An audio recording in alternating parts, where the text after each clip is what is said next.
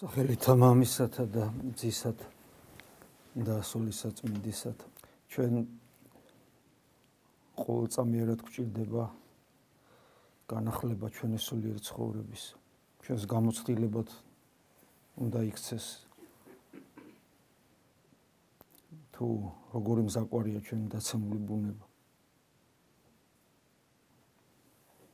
როცა ადამიანი განაცხადებს რომ იგი ქრისტიანია, ანუ რწმენა აქვს და ეს განაცხადი ხდება სიტყვიერად შინაგანად, სოფხედელობრივად, ცხოვრების წესით.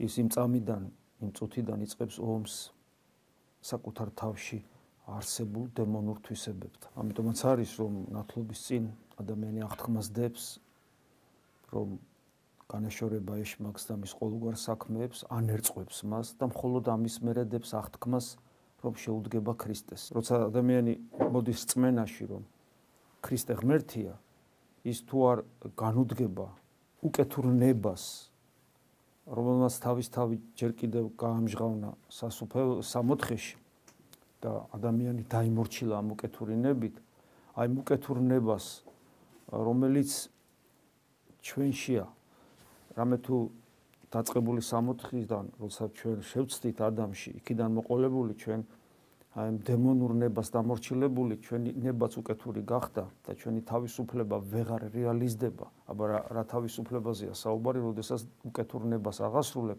ეს იმდენად არის ჩვენში გამჯდარი და იმდენად აპყრობილი ყავს ჩვენი თავი, რომ ჩვენი პიროვნული არჩევანი, რომელიც ღვთის წყალობით სასწაულებრივად არის გადარჩენილი სრულად განადგურებას და ეს პიროვნული არჩევანი არის რომელიც ჩვენ ასფალტში ან მაგარ გრუნტში რო ნაზი ნაზი ბალახის ღერო რო ამოხეთქავს რა უცნაურია ხო? აი რომ გამოარყოს და ამოყოფს თავს.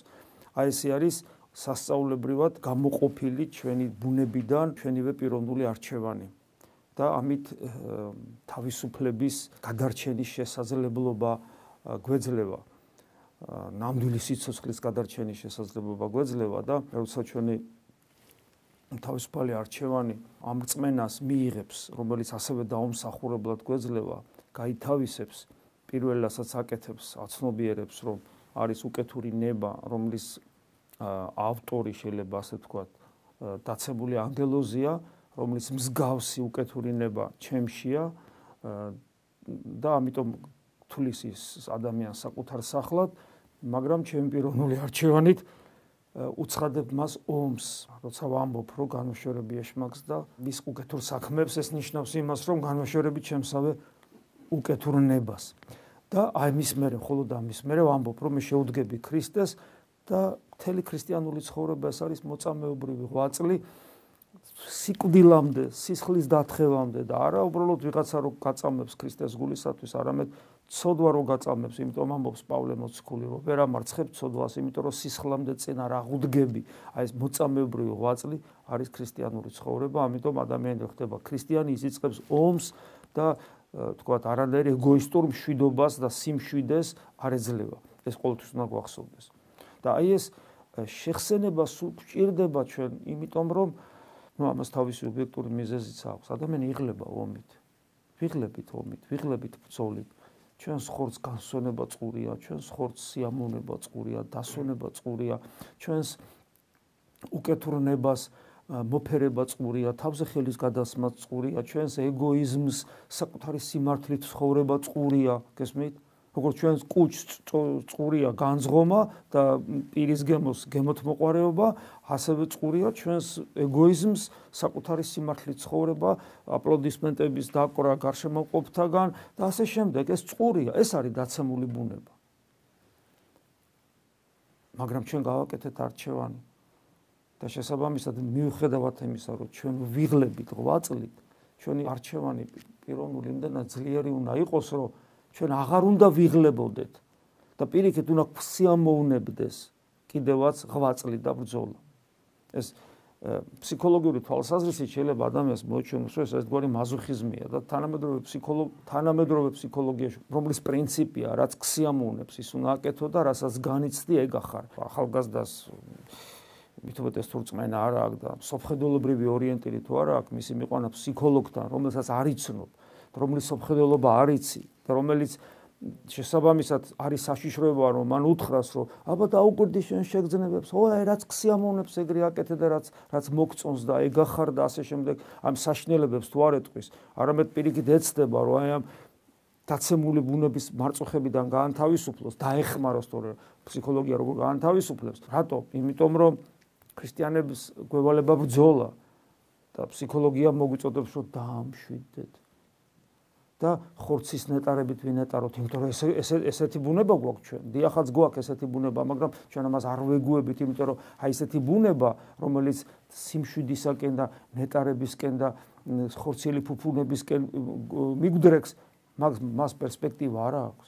მას მარადიული სიცოცხლე არ აქვს და ჩვენ კიდე რწმენა რო გვაქვს, ვიცით, წვენიდან ვიცით. კი არ დაგვესიზმრა, წვენიდან ვიცით, რომ ჩვენ მარადიული არსებანი ვართ. ის რაც შეიძლება ფსიქოლოგს უღმერთო ფსიქოლოგს მაზოხიზმად მოეჩვენოს. ჩვენთვის ეს ცხოვრების წესია. მარხვა ცხოვრების წესია. მღვიძარება ცხოვრების წესია. საკუთარ ვნებებთან საკუთარ ცოდვიან მიდრეკილებებთან ბრძოლა რომელიც ხორცისათვის ბუნებრივია ჩვენთვის ცხოვრების წესია.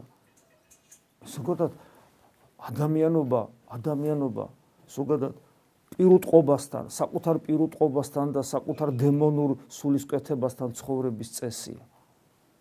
და ვინც არ იბრძვის, ვინც არ იბრძვის, ებსგავსება გარყვნილ ადამიანს, ჯაყოს ემსგავსება ჯივაშვილს და ლუარსაბს ემსგავსება და იგი ყვაჭანტირაძეს ემსგავსება ჯავახიშვილის მიხედვით და ანუ აი ესეთი ხდება ადამიანი, რომელიც ისედაც ზნეობრივი თვალსაზრისითაც მიუღებელი. და ამიტომ რადგან ბრძოლა რთულია, ჩვენ ვემართება ხოლმე ესე. დაღლიდან გამომდინარე ქვეცნობიერად რაღაც ჩვენი ბუნება ირიდებს ამ ღვაწს და ვდუნდებით ხოლმე მაგრამ ჩვენ და ყოველთვის შევახსენოთ საკუთარ თავს რომ აქ აქ ეკლესიაში ჩვენ მოვედით საომრად.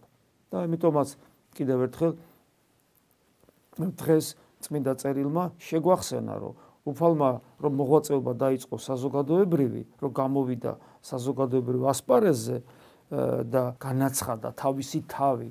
ნათლისღება ეგ არის ღმერთის განცხადება. განაცხადა თავის თავი.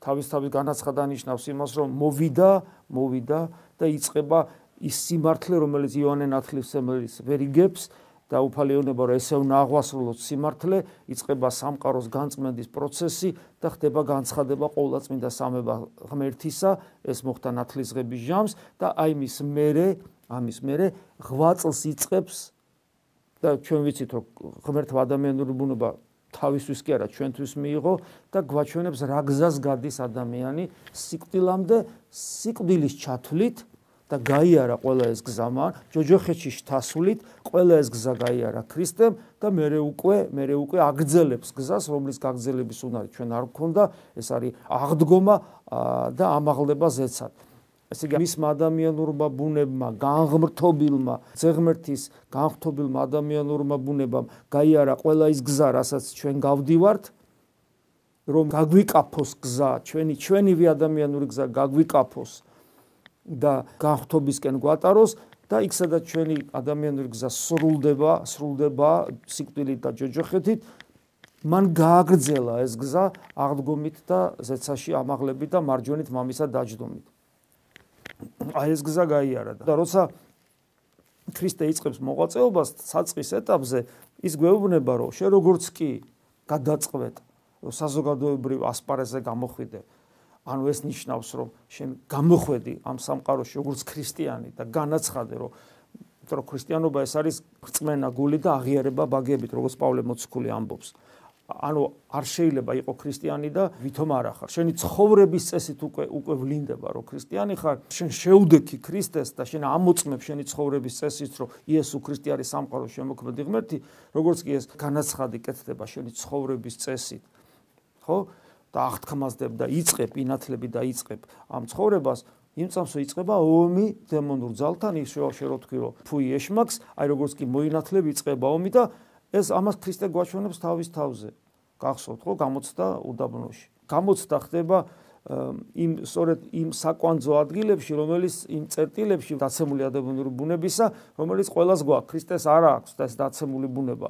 მაგრამ ეშმაკმა არ იცის ეს და გონია რომ რაღაც ადამიანია, ესე იგი მისი ცდუნება შეიძლება, მაგრამ ქრისტე გვაჩვენებს როგორ უნდა დავამარცხოთ. ეშმაკი და სამივე ძირითად უნებასთან დარტყმებს რო უკეთებს ეს წერტილოვანს. ეშმაკი, სიამეთ მოყარეობა, ეს არის ვერცხლის მოყარეობა, ანუ მომხოჭველობა და ეს არის ამპარტავნება, სიამაყე, პატიმოყარეობა, აი ამ დარტყმებს წერტილოვან დარტყმებს ვაკეთებს სამჯერვე, სამჯერვე ქრისტე ეწინააღმდეგება არა ღვთაებრივი ძალით. ღვთაებრივი ძალით მას ეშმაკის განადგურება წამის ყოფაში ვერც მიეკარებოდა, ხო? არამედ, არამედ იბძვის როგორც მორწმუნე ქრისტიანი და საბძოლო იარაღად აქვს წმინდა წერილი. ეშმაკი მაცდუნებელ სიტყვას ეუნება, ესეუნება. არა, ეგრე არ არის, წერილას. ერთხელ ეშმაკი 90 ფსალმუნი ცდილობს მის შეცდენას. ზოგს როგორია რომ დაიკიდავს 90 ფსალმუნს და დაცულია იმისგან, ეშმაკისგან.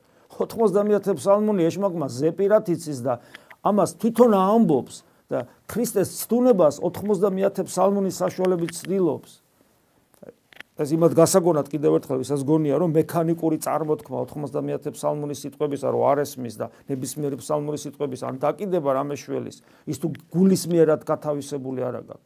და ყველა ამ დაწერტილოვან დარტყმაზე როცა ცდილობს ეშმაკი მის ცდუნებას ერთხელ აგრესიულადაც კი როდესაც ეუბნება რა მე თაყვანი უნდა მცე აღარ ითმენს უკვე აღარ შეუულია სამჯერვე როგორც მორწმუნე ადამიანი ქრისტე მას ეწინააღმდეგება და ებრძვის წმინდა წერილის სიტყვებით. ეუბნება აი წერი ეგრე არ არის, წერია, წერია, წმინდა წერილის წერია. და წმინდა წერილის სიტყვებით ისხლეტავს მის შემოტევებს და გვასწავლის ჩვენ როგორ სად გვაქვს სად არის ჩვენი იარაღი? ჩვენი იარაღი არის ღვთის გამოცხადებაში რომელიც სიტყვიერად მოგვეცა და რომლის მიხედვითაც ჩვენ უნდა ვიცხოვროთ როცა ჩვენ ესე იგი ვინათლებით აგერ პავლე მოციქული დღეს ისევ გვეუბნება რომელიც სიტყვებით აღაქსის გვაქვს გამოკითხული ტროხშირად იკითხება ეს საკითხები ეფესალთა მიმართ ეპისტოლე ეს მეექვსე თავია ეს სიტყვები ამიერიდან ხშირად გაგვიკეთები ამაზე აქცენტი ჩვენ.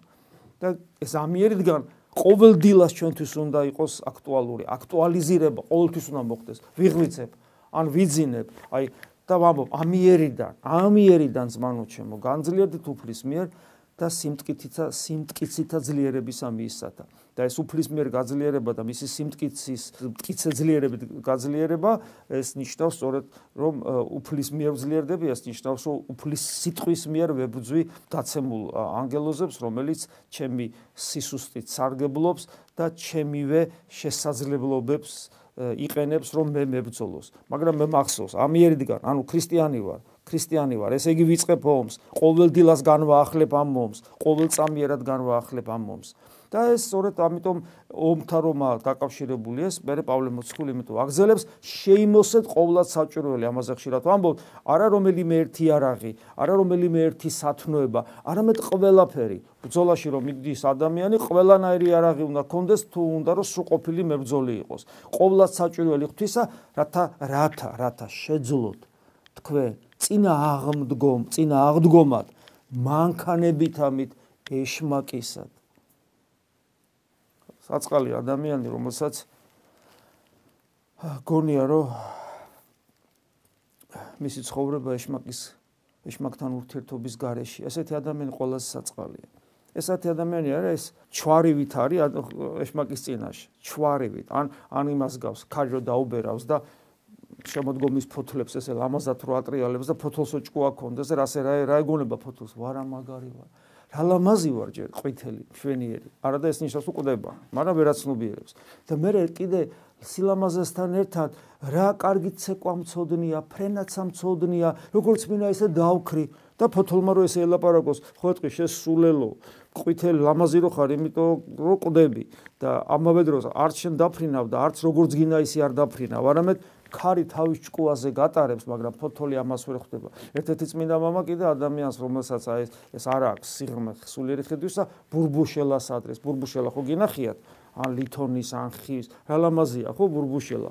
რო გიჭირავს ხელში ესე სამბარასავით არის რა ლამაზია და ბურბუშელასა ტვინი ქონეს როგორ მოეწონებოდა საკუთარი თავი მაგრამ სინამდვილეში ბურბუშელა ცარიელია შიგნით არაფერი არ აქვს და ვერ ხვდება და მე პავლე მოციქული აგზელებს ამეთ არ არის ბძოლა ჩვენი სისხლთა მიმართ და ხორცთა და მე ჩამოთვლა არა არამედ თავრობათა მიმართ და ხელმწიფებათა სოფლის მყრობელთა მიმართ ბნელი სამი საწუთოისა სულთამად უკეთურებისათ რომელი არიან სასაქვეშე აი ეს ძალაუფლების და ხელმწიფების გონე დემონური ძალები რომელიც ამ სიბნელეში ანუ რასი უღმერთო სიბნელეში რომელიც სამყაროშია მიუხედავთ იმისა რომ ღმერთი შემოვიდა სამყარო რომ აინც უარყოფს და ვერ ხედავს აი ამ საწუთო ანუ დროები წუთის სოფელში, როგორ რომელიც არიან ამ სასაქვეში ანუ ამ სამყაროში აი ამ დემონურ ძალებთან არის ჩვენი ბრძოლა.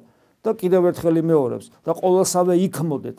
ანუ იქმოდეთ კი არა, ყოველსავე, ანუ უბრალოდ ჩვენი ღვაწლი ისეთი კი არ არის, აი ხო რა ვიღვაწოთ, ვიცხოვროთ ქრისტიანულად. არამედ არამედ ყოველსავე მთელი ჩვენი არსებით, მთელი ჩვენი რესურსით ყოველსავე იქმოდეთ. რატო? რათა მткиცეთ მდექით უკვე, მткиცეთ, მткиცეთ. ვახტანგ გორგასლის ანტერცი გვახსენდება ამ დროს. მткиცეთ, დექით სარწმუნოებათა, სარწმუნოებასა ზედა და ეძიებდეთ სიკვდილს ქრისტესათვის. არ ვიცი, ეს ეს სიტყვები უბრალოდ იმხელა დიდებული სიტყვები აქვს ამ ადამიანს ნათქვამი და მთელი მთელი ქართველი ერისადმი ანდერძია რა მისი რომ ყოველ თაობიდან თაობა თაობიდან თაობამდე რომელიც უნდა გადაცემულიყო და გადაეცემოდა კიდევაც ღირსეულ ქართველებში და ესე ცხოვრობდით ჩვენ. და კიდევ ერთხელ ამისთვის რომ მткиცეთ ვიდგეთ და ყველაფერს ვაკეთებდეთ, ყველაფერს ჩვენში, ჩვენს გულში ქრისტეს გამარჯვებისათვის, კვლავ გვიმეორებს. აღიღეთ ყოვლად საჭურველი იგი ღვთისა. ანუ რაღაცი არაღი კი არა, ყველა მთელი შეაიერაღება და მე პავლე მოციქულის ვრცელ ტექსში, რომელიც ამის მერე გძელდება ეფესალთა მიმართ ეპისტოლეს ამ მეექვსე თავში, ვრცელ ტექსში, რომელიც ნაწილიც აღმოვიკითხეთ, იქ არის მონიშნული საკვანძო სიტყვები, რომელიც აი ამ ყოვლად საჭურველის, ანუ ყველანაირ შეერაღებაზე რო არის საუბარი, რა შეერაღებებზე აქვს საუბარი და ჩამოთვლილია. ეს არის ჭეშმარიტება და ჩვენ ვიცით ჭეშმარიტება რა არის? ჭეშმარიტება ცოცხალი ღმერთია. მე ვარ ჭეშმარიტება ქრისტიანობს. სიმართლე, სიმართლე ღმერთია. განმზადებულება ის სახარებისა მიშვიდობისა, ჩვენი მზაობა ვიყოთ მისიონერები და ჩვენი ცხოვრების წესით ჩვენი ცხოვრების წესით სამყაროს ვახაროთ, რომ ღმერთი ადამიანად მოვიდა. ეს არის განმზადებულება ის ახარების ამიშვიდობისა. ჩემში უნდა იყოს ქრისტიანული ჭეშმარიტება და მე უნდა ვიყო ჩემს ცხოვრების წესში, ყოფაში, არასაკუთარი სიმართლით, არამედ ღვთაებრივი სიმართლით აღჭურვილი და შეუძლებელია ჩემში თუ ქრისტე არ იქნება და მე უნდა გქონდეს მზაობა ვიყო ნათელი ამასოფლისა, მარილი ამასოფლისა, ანუ მისიონერი, ეს არის განმზადებულება ის ახარებისა, მის შვიდობისა. ამავე დროს რა თქმა უნდა ეს ყველაფერი აღმოცენებულია რაზე? სარწმუნოება, სარწმუნოება ასევე არის ესე იგი ეს უმნიშვნელოვანესი ან პავლე მოციქული პირდაპირ ამბობს.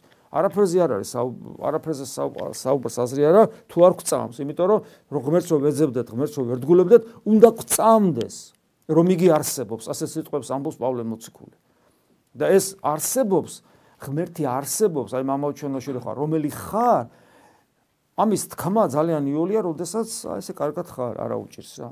როგორც კი განსასწელია, როგორც კი საფრთხეა, როგორც კი საცდურია, ჩვენი რწმენა იმ წამსვე ირყევა და ირევა და იქ ვლინდება, რომ ჩვენ რწმენა არა გვაქვს მткиცე. ამიტომ სარწმუნოებანი იყოს კლდესავით მაგარი. მე რეაგძელებს ცხოვრება სულისა, რომელიც არის სიტყვა ღვთისა. ეს კიდევ ერთი არაგი. სულიერი ცხოვრება. ხო და ეს აქ რო ადამიანს არ კონდეს ილუზია რომ იგი სულიერად ცხოვრობ აბა როგორ? არა რომელიც არ სიტყვა ღვთისა. ანუ ის რაც სიტყვა ღვთისა ჯერ თავად ხო ღმერთია სიტყვა ღვთისა ძე ღვთისა სინონიმია. ანუ სულიერი ცხოვრება ეს არის ქრისტე ჩემში. აი საიდუმლოება პავლე რო ამბობს ქრისტე ჩემში რაც ყოველდღიურობაში იმაში ცვლინდება რომ ის რაც მან თქვა და რამას დატოვა და გამოცხადების სიტყვიერი დანატოვარი გამოცხადება თავად არის რომ გამოგვეცხადა მოვიდა მაგრამ ის რაც ამავე დროს სიტყვიერად დატოვა ის რომ ჩემი ცხოვრების პროგრამა ჩემი ცხოვრების გზა ორიენტირია ანუ сахарებას გულისხმობ. და მე აგძელებს ლოცვა და ვედრება ყოველ ჟამს. ანუ ჩემი რწმენა რეალიზდება მასთან მუდმივ კომუნიკაციაში. ლოცვა რა არის. არა იმას ის რომ მე რაღაცას ვედრები არამედ მასთან კომუნიკაცია. ამიტომ ლოცვა და ვედრება თითქოს გაყოფილია. ლოცვა ანუ მუდმივი კომუნიკაცია მასთან რომელიც როსაც რეალიზდება ჩემი ღვთისადმი შვილობა და ვედრება. პირველ რიგში იმისა რომ ცდილობდა არ გამომდის და შემიწყალე უფალო და გარდა იმისა უკვე აღარს გვეგზალება ამის შემდეგ თუ შვილებრივი უანგარობა გვაქვს. ღმერთის მიმართ იმ პრობლემების შესახებას ვთხოვოთ რომელიც ჩვენთვის საცდურად აღიმართება ხოლმე და რომელიც ჩვენ ხელს გვიშლის ჩვენ სულიერ ცხოვრებაში. ანუ მიწიერი სათხოვარის კი შეიძლება. თქო ოღონ იმ შემთხვევაში თუ ლოცვა გაქვს თუ ლოცვა გაქვს ანუ ღმერთთან უანგარო კომუნიკაციის მცდელობა თუ გაქვს სადაც უანგაროდ ცდილობ ღმერთის შვილობას, ამის მერე შეგიძლია ევედრო კიდევაც, იმიტომ რომ შვილს შეუძლია ევედროს. ხოლო თუ ღმერთი არ გინდა და მასთან უანგარო ურთიერთობა არ გსურს და თუ არ არის ღმერთი ცხოვრების საზრისი შენი, მაშინ ვედრებასაც აზრი არ აქვს. იმიტომ რომ ეს უბრალოდ ქრისტიანობის სივრციდან საერთოდ გასული ხარ.